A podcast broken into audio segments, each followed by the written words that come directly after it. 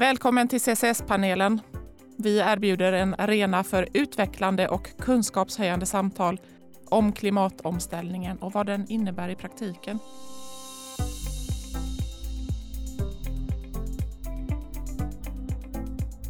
Vi undersöker näringslivets möjligheter och utmaningar för att nå klimatmålen och vi tittar på framtiden för CCS och kolsänkor i Sverige. Genom podden skapar vi möjligheter och vi vill stimulera till nya tankar för ett hållbart samhälle. Välkommen till CCS-panelen. Jag heter Sara Davidsson. Idag pratar jag med Bo Hjelmefjord, Julia Alroth och Erik Tellgren i Växjö. Välkomna! Tack. Tack så mycket. Tack så mycket. Vi ska också säga till våra lyssnare att det här samtalet genomförs på länk. Vi sitter alla fyra på olika ställen och det kan påverka ljudkvaliteten. Berätta lite om er själva och vad ni jobbar med. Bo, du är först ut. Ja, jag jobbar egentligen på Växjö kommun, men i det här avseendet så jobbar jag med Växjö Energi då. Eh, men jag är projektutvecklare och internationell samordnare på Växjö kommun.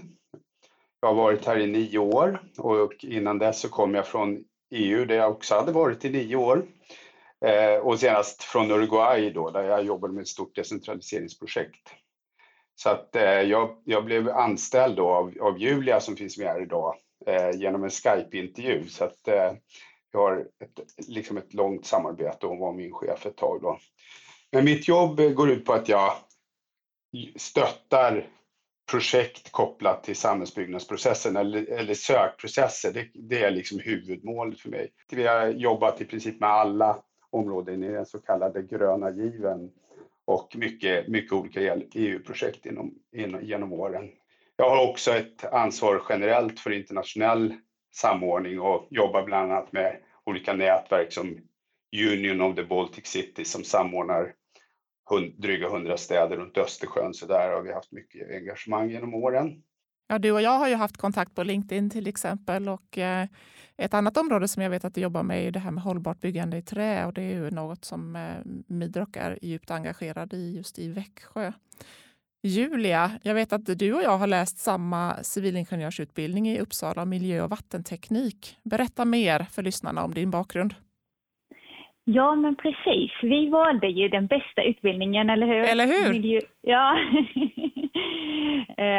Och, och jag läste det på 90-talet med övertygelsen att vilja rädda världen. Och det är väl egentligen i den andan som jag har fortsatt. Så började några år som konsult i energi, energibranschen och sen så fick jag jobb på Växjö kommun och har haft eh, olika roller där nu i snart 20 års tid. Eh, haft möjlighet att jobba en hel del med internationella miljö och energiprojekt. Eh, och sen så blev jag miljöstrategisk chef och, och eh, Växjö är ju framåtlutad när det gäller miljö och klimatarbete så det har varit väldigt spännande att hänga med där. Eh, sen breddade vi lite i och med att eh, Agenda 2030 skapades på den globala arenan, att eh, FN tog fram de globala målen för hållbar utveckling så breddade också Växjö kommun perspektivet och eh, då fick jag rollen som hållbarhetschef. Eh, men nu sedan tre år tillbaka så är jag på energibolaget, så på Växjö Energi och eh, jobbar med eh, strategi och omvärldsfrågor och då är det ju fortfarande väldigt mycket för att bidra till en klimatomställning och hejda den pågående klimatkrisen. Jag vet ju att eh, du också deltog i klimattoppmötet i Paris 2015 när vi förhandlade fram alla de överenskommelser som ligger till grund för de klimatåtgärder som vi nu gör i EU och i Sverige. Det måste varit otroligt häftigt att delta i det mötet och känna luften darra när historia skrivs. Jo, men det var det faktiskt. Alltså redan då, för det är en sak att man nu i efterhand förstår att det är häftigt, men jag kan nog tycka att vi redan då, vi som var där, kände att nu händer någonting som är väldigt viktigt. Eh, vi var en liten delegation från Växjö kommun som fick möjlighet att eh, följa med eh, den svenska delegationen och se hur det här går till och, och vara med i sammanhanget. Ja, det var, det var stort. det var det. Och, och det är väl också det, eller en anledning att man ytterligare blir motiverad att fortsätta arbetet och på riktigt göra skillnad för att hejda den pågående förändringen. Och det, ni, och det vi ska prata om här idag är ju hur ni tar de här visionerna från Paris och hur ni gör i Växjö för att eh, planerna ska bli verkstad och verkligen göra skillnad. Innan vi går in på det, Erik, eh, du har ju en bakgrund från bland annat Lantmännen och Götaverken Energi, vilket är ett gammalt anrikt bolag från Göteborg. De är också båda kopplade till energi och kanske också bioenergi. Jag tänker att det har väl du nytta av som vd på Växjö Energi? Absolut, eh, det, det, är rätt. Jag söker mig till eh, företag som är väl över 100 år gamla. Eh, så det är en fantastisk sak bara det då. Och det, där jag är nu då med uppdrag som vd på Växjö Energi. Det är det yngsta utav bolagen då.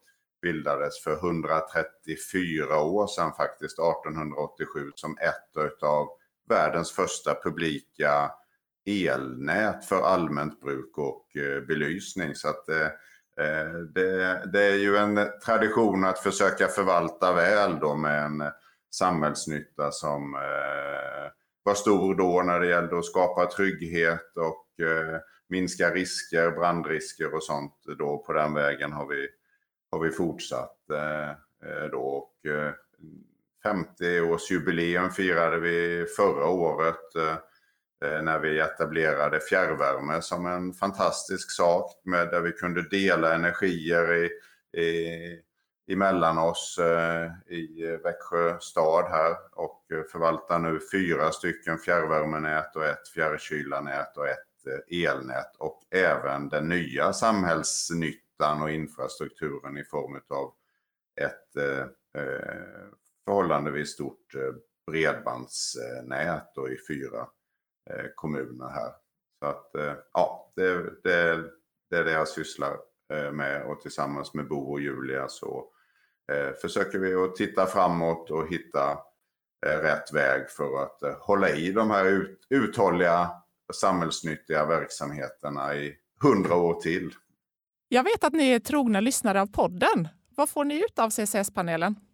Eh, ja, för, för min del så, så jobbar jag ju med projektutveckling och för att man ska kunna jobba, ta fram bra projekt så måste man ju ha ett starkt engagemang.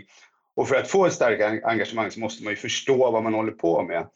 Eh, det är också mycket roligare att jobba med, med saker när man liksom får tillbaka någonting personligen. Och, och jag upptäckte tidigt eh, eh CCS-panelen som en väldigt bra källa till det. Så jag tror att jag är en av era mest hängivna följare. Tror jag. jag lyssnar på alla avsnitt. Och, och det här med poddar, det är ju lite som att sitta och tjuvlyssna på, på några som pratar på tåget. Det, det är så här spännande och man, folk delar med sig och man lyssnar lite sådär. Och, eh, ja, det, det, blir ett speciellt engagemang. Och, så jag har ju lärt mig jättemycket från, från er och tycker att ni har liksom täckt upp olika sidor, och olika perspektiv på ett väldigt bra sätt. Eh, så när jag började med det här för ett år sedan drygt så, så kunde jag egentligen ingenting om det här med med bio-CCS och, och har då borrat mig in i det på, på olika sätt där jag tycker den här podden har bidragit jättemycket till speciellt bredden och, och det, men hela vägen. Så att eh, jag tycker det är stor bredd, intressanta ämnen och sen de här öppenhjärtiga diskussionerna. Folk delar verkligen med sig liksom. Ja, och en devis som jag gillar det är att tänka nya tankar utomhus och helst i rörelse. Eh, och på något sätt så känner jag att när jag lyssnar på er podd så kan jag verkligen uppfylla alla de här tre grejerna. Så att ofta så tar jag ju med mig podden ut eh, i skogen på en promenad eller joggingtur, eh, på, en, en på min cykelväg till jobbet eller ja, när jag bara är utomhus. Eh, och så får man samtidigt tänka de här nya tankarna och träffa spännande personer som pratar om intressanta saker. Så jag tycker att podden är jättehärlig. Huvudämnet för dagen är ju Växjö Energis och er CCS-investering och hur det är en viktig pusselbit i Växjö stads ambitioner att fortsätta sitt ambitiösa klimatarbete. Redan 2007 uppmärksammades ni i Växjö i internationell press för ert målmedvetna arbete med att minska klimatpåverkan. Och eh, Växjö har vunnit EUs utmärkelse Green Leaf Award och kallas Europas grönaste stad. Julia, du har ju tidigare varit eh, Växjö kommuns hållbarhetschef som du nämnde. Ge oss några exempel om hur Växjö har arbetat med klimatfrågan. Ja, men redan 1996 så fattade kommunfullmäktige ett enhälligt beslut att bli en fossilbränslefri kommun. Eh, och det tror vi faktiskt fortfarande är den första kommunen i världen som fattade ett sådant beslut. Eh, och det är förstås eh, väldigt häftigt på något sätt. Det var häftigt redan då det uppmärksammades i nationell eh, press. Eh, men man förstod ju väldigt snart också att det här är ju ett åtagande som behövdes ta på allvar. Så i och med beslutet så sattes väldigt mycket arbete igång för att minska de fossila utsläppen. Eh, så att sen mätningarna började 1993 så har vi minskat våra utsläpp per invånare med 60 procent.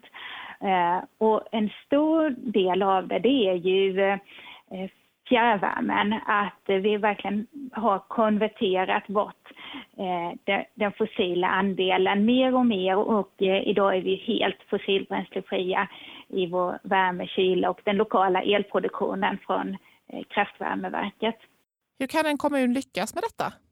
Eh, ja, men det är ju väldigt mycket viljan, att det finns ledare, både i form av politiker som, tycker, som brinner för frågan, som tycker att det här är högst upp på agendan och också eh, ledande tjänstepersoner. Och vi har Erik med oss här idag som VD och fanbärare eh, för Växjö Energi och för den här omställningen som vi är inne i.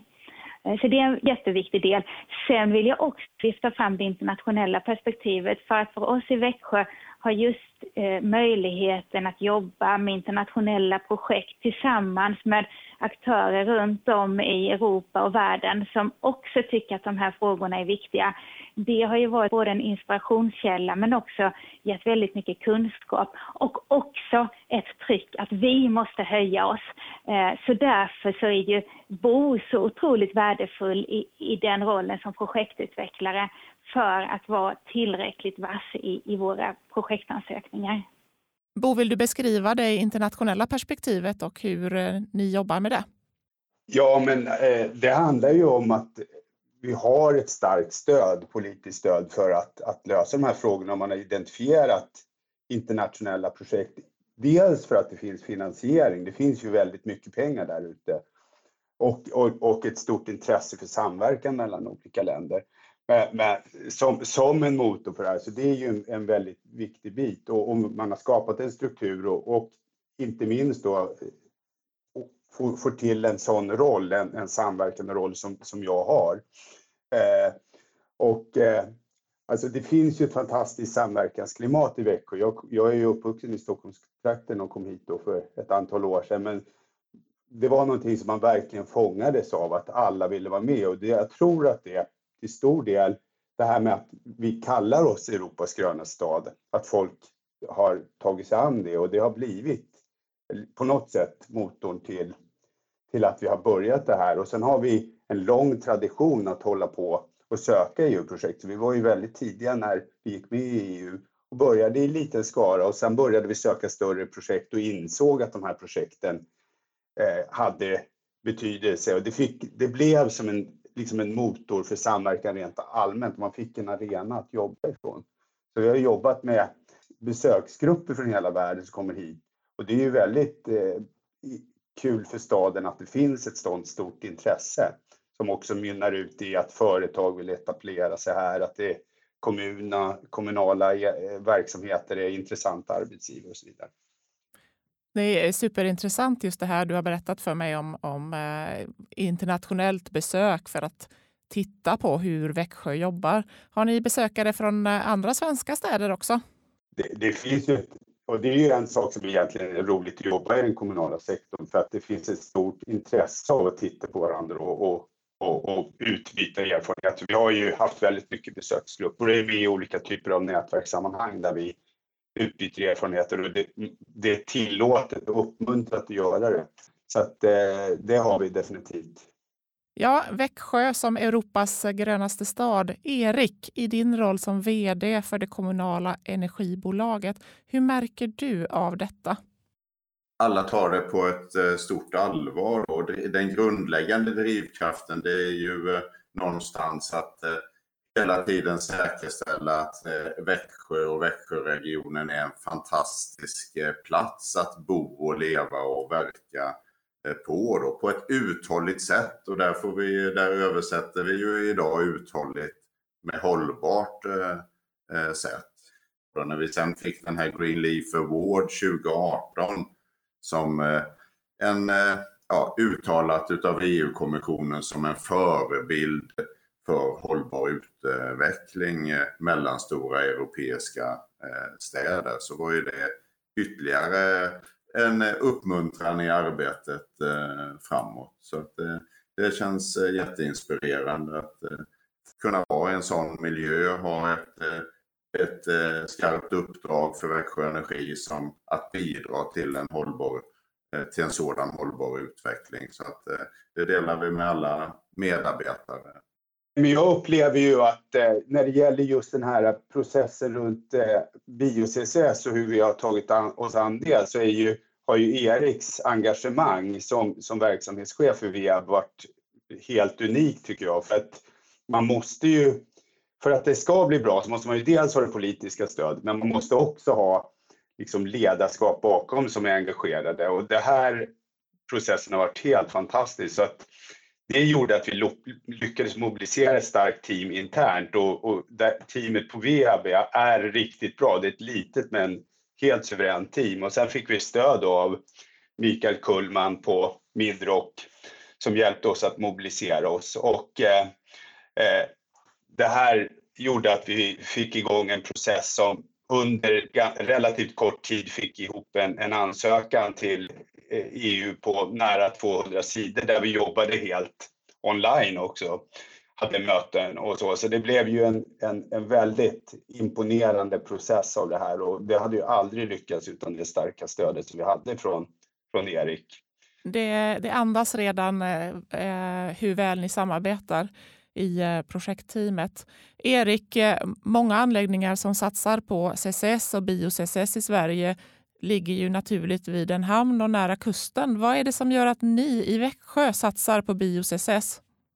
Det är, det är korrekt att det är ju inte en eh, kustposition då, eller en direkt hamnposition där anläggningen eh, eh ligger. Men eh, vi kände ju starkt efter att ha uppnått eh, fossilfri verksamhet som ju var det utställda ägarmålet inför 2020 då Eh, så kunde vi glädjas åt det. Men snabbt konstaterar vi att eh, vi kan inte sitta still med detta. Kan vi på något vis fortsatt bidra till en eh, god hållbar utveckling och en fin positionering för Växjöregionen. Eh, och då låg det ju väldigt nära till hands att titta på negativa utsläpp och det var ju en värdekedja som växte fram väldigt mycket som hände under 2019, 2020 kan man säga. Och vi var, ja, det var god timing helt enkelt att eh, engagera sig i, i, i detta. Och samtidigt konstaterar vi ju att eh, tittar vi såväl i Sverige som inom hela Europa så finns det ju ett antal eh, lika anläggningar, samma storlek, eh, bioenergi eh, i hundratal eh, hundratals sådana anläggningar. Så att skaleffekten utav eh, att eh, ta med de här emissionspunkterna eh, ligger ju i miljontals eh, ton årligen eh, växthusgaser som vi kan eh, eh tvätta ut ur atmosfären. Och eh, det kan vi göra raskt i närtid och det är precis det som behövs. Och eh, vi, vi är redo, vi har plattformen för det, vi är redo, vi vill och vi kan göra jobbet och värdekedjan tror jag finns i sin helhet. Det som återstår är ju finansieringsbiten eh, och det samhällsekonomiska värdet att omsätta det så att eh, vi får på plats den här värdekedjan och kan realisera den också. Och det ska vi alldeles eh, strax gå in på också. Men jag tänker att det ni gör nu, det ni vill göra i er bio-CCS-satsning, det är ju att ta eran redan fossilfria anläggning och bidra med minusutsläpp. Och det här är ju en viktig pusselbit i Växjö stads åtagande att eh, ha, eh, vara klimatneutrala till år 2030. Julia, din roll som eh, strategiskt ansvarig i det här är ju att få verkstad av de här visionerna. Berätta om er CCS-satsning och hur ni har format projektet efter era förutsättningar. Jag har fått rollen att vara projektledare då för det här initiativet. Och eh, vi har lagt rätt mycket krut på att formera en projektgrupp och styrgrupp. Ett tydligt uppdrag och olika arbetspaket, det vill säga delprojekt inom projektet. Eh, det är ju så många olika delar som behöver fungera för att Eh, det ska bli bra. Så att eh, dels handlar det givetvis om tekniken på, på plats så att säga. Eh, att man ska lyckas med själva koldioxidinfångningen och förvätskningen av gasen koldioxid till, till då en, en vätska. Men det handlar ju mer om det, för vad, vad händer efter att vi har fått fram den här vätskan? Den behöver ju komma vidare till slutlagret och i vårt fall så är det ju då med hjälp av tåg som vi tänker oss.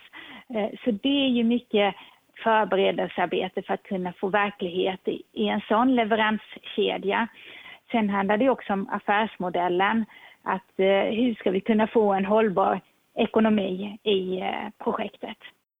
Ja, och eh, ni har ju också ett arbetspaket som handlar om kommunikation, vet jag. Och det är en otroligt viktig del i detta för att eh, för, eh, skapa acceptans och, och eh, få med sig alla på att eh, det här är väl använda resurser och det här eh, är, är någonting som behövs. Eh, inte bara i Växjö utan för Sverige och för eh, EU.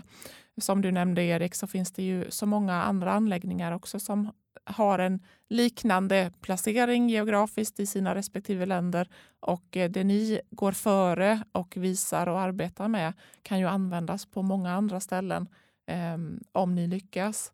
Eh, Bo, apropå kommunikation, hur jobbar ni med förankring och eh, förståelse för eh, det här projektet? Ja, men rent allmänt kan man väl säga att vi har en förståelse för att kommunikation är ju en motor för framgång egentligen i alla initiativ där man vill åstadkomma någon typ av förändring eller någon typ, uppnå någonting. Så att, och just när det gäller den här CCS eller BEX-kedjan här så, så är det ju oerhört många olika intressant, intressentgrupper som man måste ha med på tåget. Det handlar ju om både politik eh, och eh, olika typer av, av intressenter i värdekedjan, men, men inte minst de som skattebetalarna. Här, det, här, det här handlar om stora investeringar i kommunen. Så, så vi, vi behöver ju få, med, få ett medhåll från eh, eh, skattebetalarna att det här är värt att satsa på. Och, och det, det, kan ju vara en fördel då det här med Europas grönaste stad och så att vi har ett, ett generellt ett bra medhåll. Men, men det, det, finns ju en, en, mängd olika aspekter i den här värdekedjan som gör och stora investeringar ger ju alltid någon typ av diskussion om prioriteringar. Så att eh, det, det, är ju väldigt viktigt eh, kommunikation och vi, vi jobbar ju väldigt målinriktat med, med kommunikation i det här projektet. Verkligen se till att vi har både resurser och expertis inom det området. Sociala medier är ju ett sätt att jobba med förankring och information. Ge ett exempel från din vardag, Bo, hur du jobbar med sociala medier. Nej, men jag är ju väldigt liksom, har ju hittat LinkedIn som, som min kanal så att säga. Där handlar det mycket om att, ja, både det här jag sa att jag knyter kontakt med olika personer inom det specifika område som jag jobbar i och det ger ju mig ett enormt inflöde av olika typer av inspel. Alla vill berätta om intressanta saker de gör. Men också att dela med oss av det vi gör och det skapar ju mycket möjligheter. Vi har ju fått väldigt mycket kontakter av av olika aktörer som vill på ett eller annat sätt ha med oss i det här. Och ser vi långsiktigt att vi vill söka stora EU-pengar till exempel, då är det ju jättebra att, att olika aktörer ute i Europa vet att vi jobbar med, med de här frågorna, så vi till och med kan få inbjudningar att vara med i, i projekt. Så att eh, det är mångfacetterat den, den kommunikationen. Men till exempel inom, när, när jag la ut någonting om, om, om våran bäcksatsning och hade 10 000 eh, personer som tittade på det. Eh, det. det. innebär att det finns ett stort intresse och man får också så att säga, återkoppling på det, vilket gör att det, det är också någonting som, som gör att man blir ännu mer engagerad i att jobba med de här frågorna när man får den återkopplingen så att säga. Jag tror ju också att den här typen av samtal som vi har just nu är värdefullt. Eh, både för oss som kanske är lite så att säga, nördiga och sysselsätter stor del av vår vakna tid och funderar över hur man ska kunna genomföra bio-CCS, men också eh, för helt vanliga människor som bara är lite allmänt nyfikna och vill veta mer. Eh, så det här är någonting som jag tror det är väldigt värdefullt att, att ni har den här podden, men också kanske någonting som vi ska lära oss av och, och ha mer samtal på det här sättet.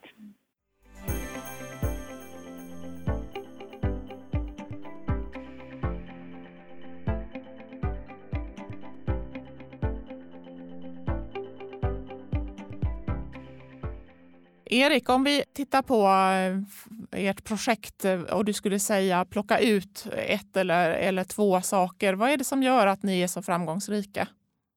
Eh, jag höll på att säga att ja, det återstår väl att se eh, hur vi lyckas nu då. Men vi har ju eh, en stor tillit till att eh, de uttalade behoven, de är ju konstaterade. Att det här är ett av de mest kostnadseffektiva sätten att hantera klimatförändringarna och, de, och risken för de skenande kostnader som det kan eh, eh, föra med sig. Det vet vi. Och eh, nu har vi, tittar vi på en värdekedja där vi har krokat arm med ett stort antal aktörer i hela värdekedjan.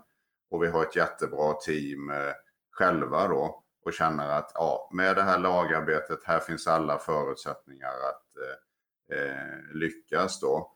Eh, den eh, pusselbiten är ju eh, då att samhället måste hitta former nu att gå in och säga att ja, allt är på plats. Vi bistår att realisera detta. Det är den lägsta samhällsekonomiska kostnaden vi kan ha när det gäller att hantera klimatförändringarna.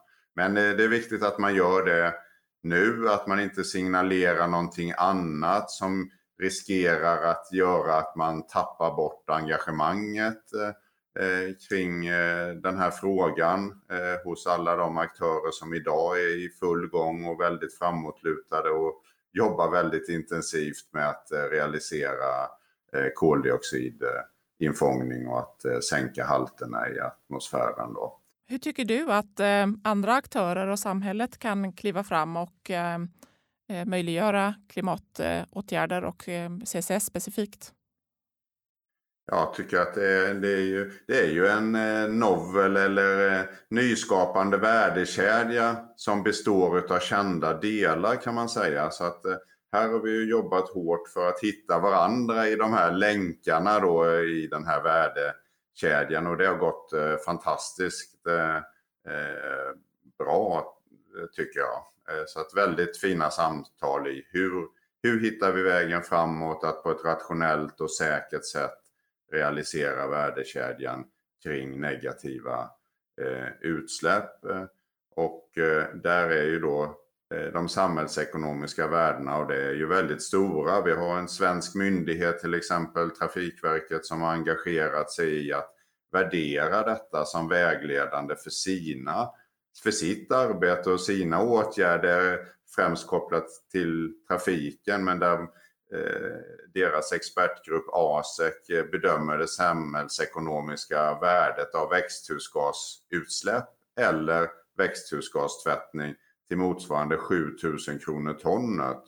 Och eh, då ska man komma ihåg att här tittar vi då eh, på möjliga värdekedjor som eh, ligger på Eh, en fjärdedel kanske utav eh, det, den storleksordningen. Så att eh, här eh, tycker jag att det är bara att eh, ta fasta på det ifrån samhällets sida nu, kliva fram och säga att det här är på plats, vi har aktörer som kan agera, kan realisera detta till en, eh,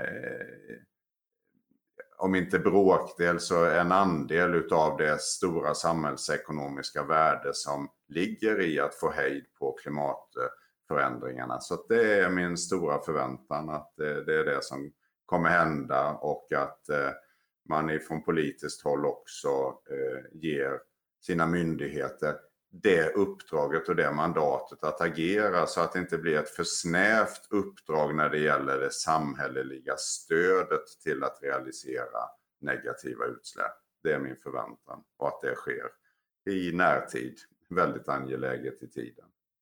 Ja, för att eh, signalerna och diskussionen så som den går i Sverige i alla fall och kanske även i EU är ju att, eh, att vi är villiga att betala betydligt mindre än de 7 eh, 000 kronor per ton som du säger att värdet skulle vara för samhället att plocka bort koldioxid från atmosfären och på det sättet hindra det förändrade klimatet som är på gång. Och eh, vi har ju pratat i Sverige om omvända auktioner till exempel, att eh, man eh, man kontrakterar den som är beredd att eh, fånga in koldioxid till det lägsta priset. Och det, det, är ju, det är ju, kan ju vara en, en bra tanke, så att säga, väl använda skattepengar. Men vad tycker du om den principen? Vi har ju en jättebra dialog då med Energimyndigheten som jag har fått i uppdrag via ett eh, regeringsbrev eh, att eh, titta på hur samhället kan kan eh, stötta eh, kompletterande åtgärder eller negativa utsläpp för att eh, minska effekterna utav klimatförändringarna. Så att det är en pågående dialog som vi, vi har då så att jag vill inte jag vill inte peka åt något håll då, jag vill bara peka på poängen utav att det är viktigt nu att när vi ser att alla delar i de här värdekedjorna och leveranskedjorna kan realiseras så är det väldigt viktigt, eh, inte minst från politiskt håll, att ge eh, sina eh, agerande myndigheter ett tydligt mandat att stötta det här arbetet så de kommer på plats, att det inte går i stå arbetet nu när det finns så stort engagemang och en vilja och ett kunnande i att göra det. Sen har jag en egen erfarenhet utav omvända auktioner då jobbat med med produktion av eh, bulkvaror på, på Lantmännen som du nämnde, industristärkelse. Det, och där passar det bra i vissa sammanhang i köp och säljförfarandet där. Det är en eh, form av perfekt marknad. Det, det är en stor, det är stora volymer, det finns många köpare, det finns många tillverkare, de är utlokaliserade globalt över hela världen. Och på en sån perfekt och mogen marknad, där kan omvända aktioner vara ett effektivt verktyg i att eh, eh, få saker att hända och att eh, få köpare och säljare att eh, hitta varandra på ett bra sätt. Här är vi ju i en lite annan fas vill jag ändå poängtera att eh, det här är, det är nya nyskapande värdekedjor.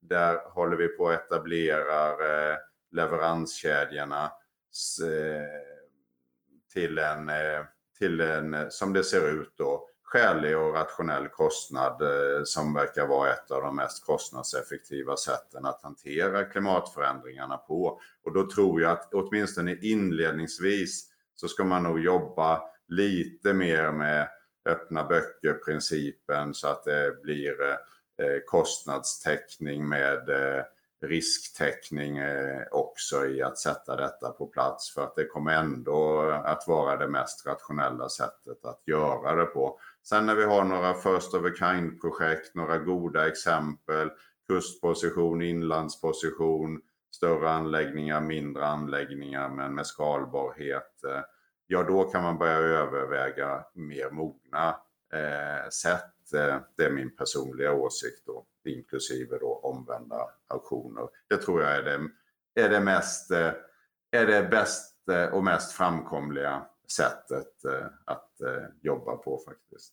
Ja, precis. Och det, samverkan, både nationellt och inom EU, är det ju en nyckelfaktor och det pratar vi om i generella termer i sådana här tidiga projekt. Men Julia, du som sitter med det här från vision till verkstad det här som eh, vi hör Erik säga nu också om eh, samverkan eh, och att vara konkurrensutsatt. Vad betyder det här för dig med samverkan?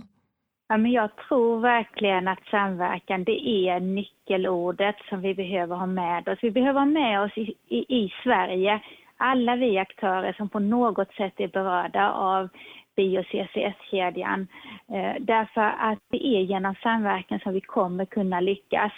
Vi har, vi har verkligen ett stort gemensamt uppdrag och ett utmanande uppdrag. Vi ska få tekniken att fungera, vi ska få transporten av koldioxiden eh, att fungera och vi ska få slutlagringen att fungera. Och här gäller det att för att accelerera istället för att, eh, så att säga, bromsa utvecklingen framåt så har vi allt att vinna på samverkan.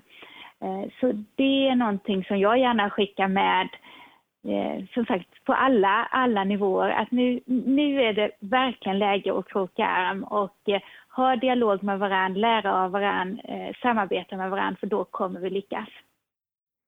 Ja, verkligen. Och när det gäller vad som händer rent konkret i ert projekt under hösten och vintern 2021 och framåt 2022 så kan man ju följa er på LinkedIn och man kan följa er på er hemsida bland annat.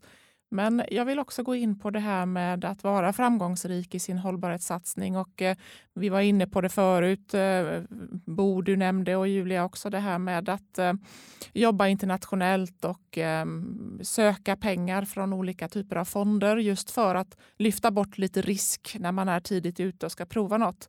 Och eh, ni har eh, sökt och beviljats pengar från Energimyndigheten för den här CCS-satsningen. Ni har också varit med i Europeiska innovationsfonden i, eh, i den typen av eh, ansökningsprocesser.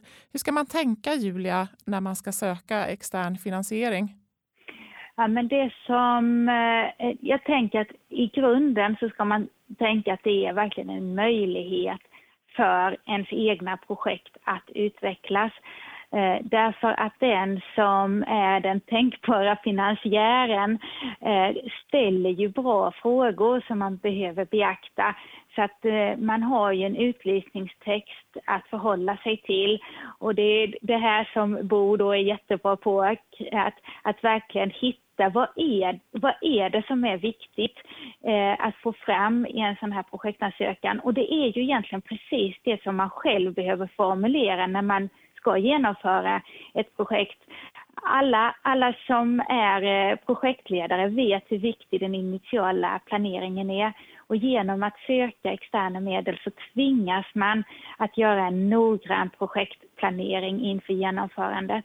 Så där ska man verkligen ta tillfället i akt och göra det omsorgsfullt, för det vinner man på i genomförandet. Hur tar ni lärdomar av eh, tidigare ansökningar och tar det framåt?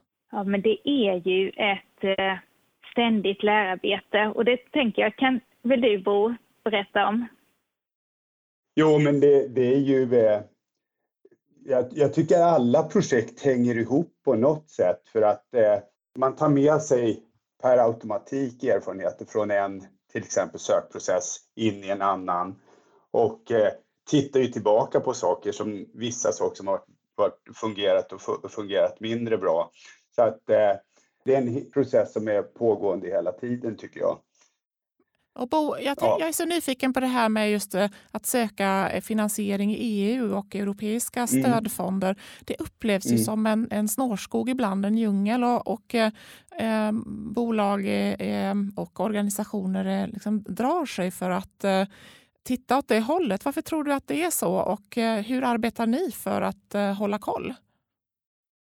Alltså det, det är ju så att eh, det finns väldigt många olika program och, och de har lite olika förutsättningar. Så det är ju jättesvårt för någon som aldrig har gjort det att sätta sig ner och, och, och, göra det. Så att man, jag tror att det är viktigt att ha någon som verkligen har tid att fokusera på att bena ut vad är det som gäller för just det här programmet och, och skapa trygghet i, i, i arbetsgruppen man jobbar i. Skapa verktyg, mallar, modeller och sen liksom vägleda i, i processen, hålla koll på, på deadlines och, och se till, stämma av att allting finns med och så vidare. För, för att annars så blir det eh, lite för läskigt tror jag att eh, ta tag i en sån här, sån här process. vi märker verkligen att, eh, att det har gjorts ett eh, skickligt arbete som har tagit skruv då hos de som har utvärderat våra, de här ansökningarna. Vi har precis eh, avslutat och gått i mål med ett stort eh, projekt inom eh, energiförsörjning och även bredbandsutveckling som heter READY, ett femårigt projekt där. Så det har varit väldigt givande. Vi är mitt uppe nu i ett Urban Innovation-projekt, ett av två stycken som har blivit tilldelade Sverige någonsin. Då det heter Digital Acceleration av Medium-Sized eh, Sustainable Cities. Så det jobbar vi, Smart Cities, så det jobbar vi eh, för eh, stenhårt just nu och vi har precis då fått godkänt, det har ju varit ett svenskt projekt här då kring ett andra steg när det gäller hållbara gröna drivmedel också. Ja, och även alltså bioflygbränsle vad jag förstår eh, att eh, ni kommer starta upp eh, småskalig och testa, testa flygbränsle från eh, biomassa i Småland. Det är rätt. Det är rätt. Så då, det är ett andra steg. Då. Vi har, vi har, den första genomförbarhetsstudien är genomförd då, tillsammans med KLM och Södra och den regionala flygplatsen eh, och den genomförbarhetsstudien eh, visade ju på att eh, den här eh, utvecklingen av hållbara flygbränslen baserat lokal råvaruförsörjning eh, såg fullt möjlig ut och därför tar vi nu ett, ett eh, fördjupat steg här då för att öka säkerheten och minska riskerna i det projektet för att se om inte det går att få realiserat också. Då. När skulle den kunna vara igång i så fall i drift, en sån anläggning? Eh, där är ju siktplaneringen 2026 eh, att ha en sån kombinatsanläggning i, i full drift. Det är ju det första projektet i sitt slag i så fall. Och få, det, det skulle verkligen få en central betydelse för eh, omställningen till hållbar energi för flyget också. Ett väldigt bra exempel på hur vi har växlat upp pengar Eh, där vi liksom jobbade fram en lösning för att tillsammans med digitala innovatörer då lösa olika typer av samhällsutmaningar. Så det är en sån här innovationsupphandlingsprocess där vi beräknar att vi ungefär la en miljon, vilket är mycket pengar ju för en, en kommun, för att söka pengar. Vi bestämde oss för att satsa och vi satsade fullt ut och vi satsade en miljon. Men det har då växlat upp till ungefär 40 miljoner i EU-bidrag där vi kommer att under eh, tre års tid jobba fram en mängd digitala lösningar som då kan säljas av de här digitala innovatörerna till de övriga 289 svenska kommunerna. Så, att, så det är ju ett väldigt bra exempel på hur man kan liksom jobba med projekt för att göra någonting som ligger riktigt på framkant. Det är fantastiskt och det ni, det ni trycker på hela tiden är ju dels behovet av samverkan med, mellan olika aktörer och där efterlyser ni också fortsatt fokus på det. Och eh, ni beskriver ju också och pratar här om och, och lyfter varandra och beskriver hur viktigt det är att jobba ihop i projektet. Är det någonting ni vill trycka på extra mycket där eller exemplifiera för lyssnaren som man kan ta med sig till sin egen organisation? Eller är det en affärshemlighet? Nej, det är, det är, väl mer att det känns eh, väldigt naturligt får jag säga då. Så att eh, det är väl grundat i någon eh, hög grad av tillit till varandra och de vi jobbar ihop med helt enkelt. Och naturligt sätt så leder det framåt. Så att eh, jag vet inte, det finns inga, inga, inga hemliga knep tror jag på vägen kunskap och tillit och vilja och förmåga.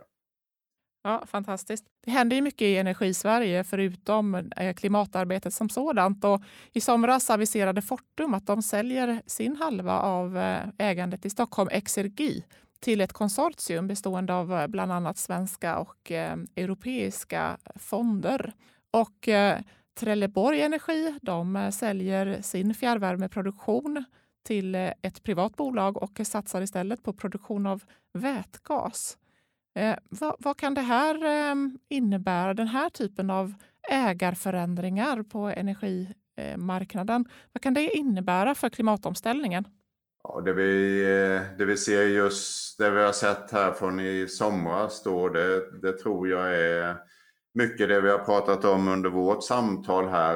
Eh, samverkan, den, en nödvändig samverkan för att verkligen realisera en, eh, en uthållig och hållbar framtid. Trelleborg uppfattar jag väl utan att veta, utan spekulera då, i att det är ju en form av samverkan där värmevärden, vad jag förstår, går in eh, och tar hand om produktionsdelen medan Trelleborg eh, kommunägt eh, är ju kvar då med sina kundrelationer och hanterar fjärrvärmenätet då så att där är ju en jättestark koppling då mellan de här två bolagen.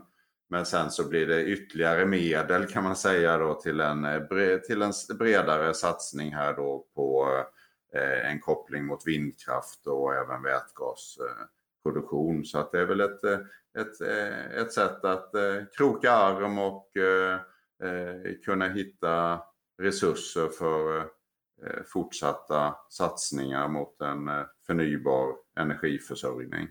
Och när det gäller Stockholm så vill jag väl tro att det i grunden är likadant där då. Vi vet att Fortum är ju framåtlutade.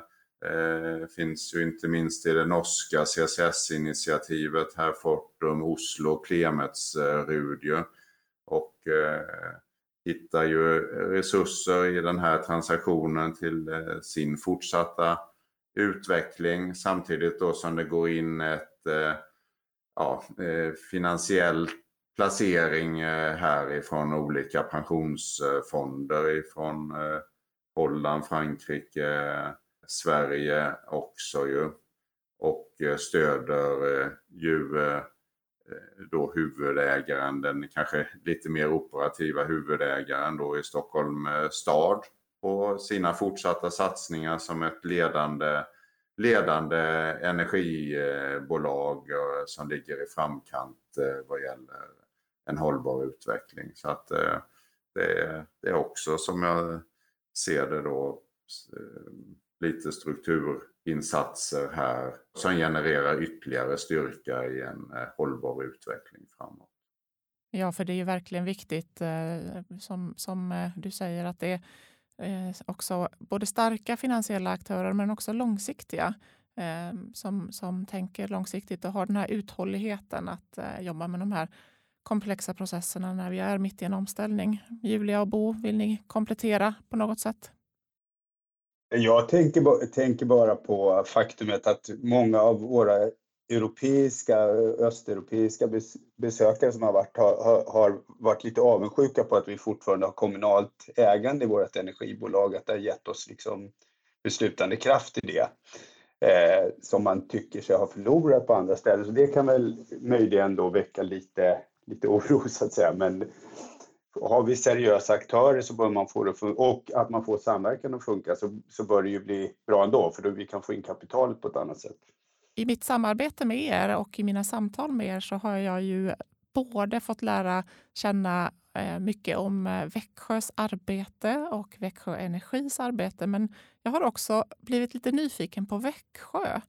Och eh, på temat Visste ni att? så upptäckte jag när jag scrollade in på Linnéuniversitetet där arbetar flera forskare för att förbättra Östersjöns hälsa på olika sätt. Och eh, de forskar i bland annat mikroalger i havet och eh, det har visat sig att alger, eller det vet vi ju sedan länge att alger kan odlas för att återvinna. De behöver ju koldioxid för att växa och då kan man också använda dem just i det syftet. Jag tyckte det var så passande i samtalet med er om klimatåtgärder, eh, att fånga in koldioxid, kolsänkor och också den här kopplingen då till alger. Man kan både använda dem för att rena vatten men också för att fånga in koldioxid. Och eh, Linnéuniversitetet och det här forskarlaget de har samarbetat bland annat med cementindustrin och visat att eh, om man bubblar rökgaser från skorstenen in i algodlingen så minskar koldioxidutsläppen med upp till 60 procent.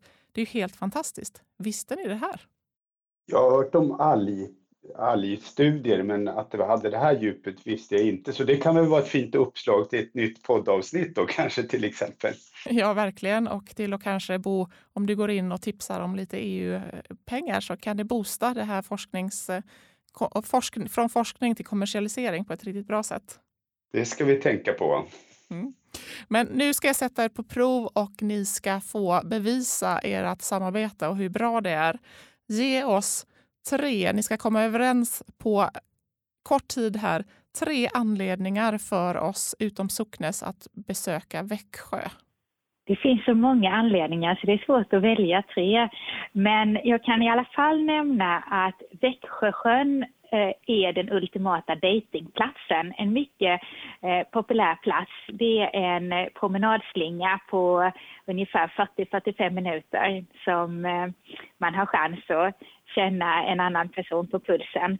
Eh, och är det inte i kärlekssammanhang så kan man också ha ett givande promenadmöte runt sjön hinna avhandla en hel del.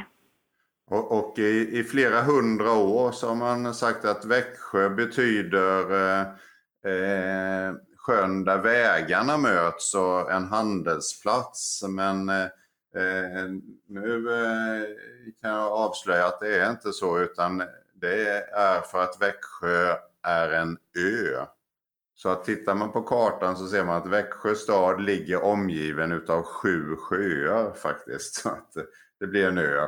Men med det sagt då, en fantastisk miljö ju med, vi har eh, eh, restauranger vid eh, Helgasjön och badplatser och kanotfärder och fiske, gösfiske eh, kopplat eh, till det och även de direkt stadsnära sjöarna mitt inne i stan som Växjösjön och Trummen och norra och södra Bergunda eh, sjön, Barnsjön. Eh, så att det är en fantastisk miljö som präglar, präglar staden eh, och även den framåtanda som vi har pratat om här i början på vårt samtal. Det är ju en universitetsstad också så att det är ju eh, det präglar ju eh, stan till viss del. Det är ju en hyggligt stor stad men det är också ett stort universitet så att det finns ju mycket aktiviteter som liksom är, är kopplat även till just universitetsprägeln. Allt sedan eh, Linné studerade här mitt inne i stan eh, och jämte domkyrkan som är ett eh, konstverk i sig faktiskt med mycket utsmyckning utav Bertil Wallin och andra glaskonstnärer. Så att det är en fantastisk sak. Idag har vi haft en, ett otroligt spännande samtal om Växjö stad som Europas grönaste stad. Ert ambitiösa klimatarbete som ju sträcker sig långt, långt bak i tiden och eh, också Växjö Energis arbete för att bli fossilfria först och nu framåt också bli en eh, kolsänka. Och eh, stort tack Julia, Erik och Bo för att ni har gästat mig i podden och berättat om det här för våra lyssnare. Tack så mycket. Tack själv. Tack själv. Tack. Och eh, du vet väl att det finns fler avsnitt av CCS-panelen att botanisera bland. Vi har eh, bland annat om Stockholm Exergis arbete. Vi har om Energimyndighetens eh, roll för finansiering i ett avsnitt och vi har också CCS for Dummies som vårt första skolbokskapitel om hur CCS fungerar. Tack till dig som har lyssnat och eh, vi hörs igen i nästa avsnitt.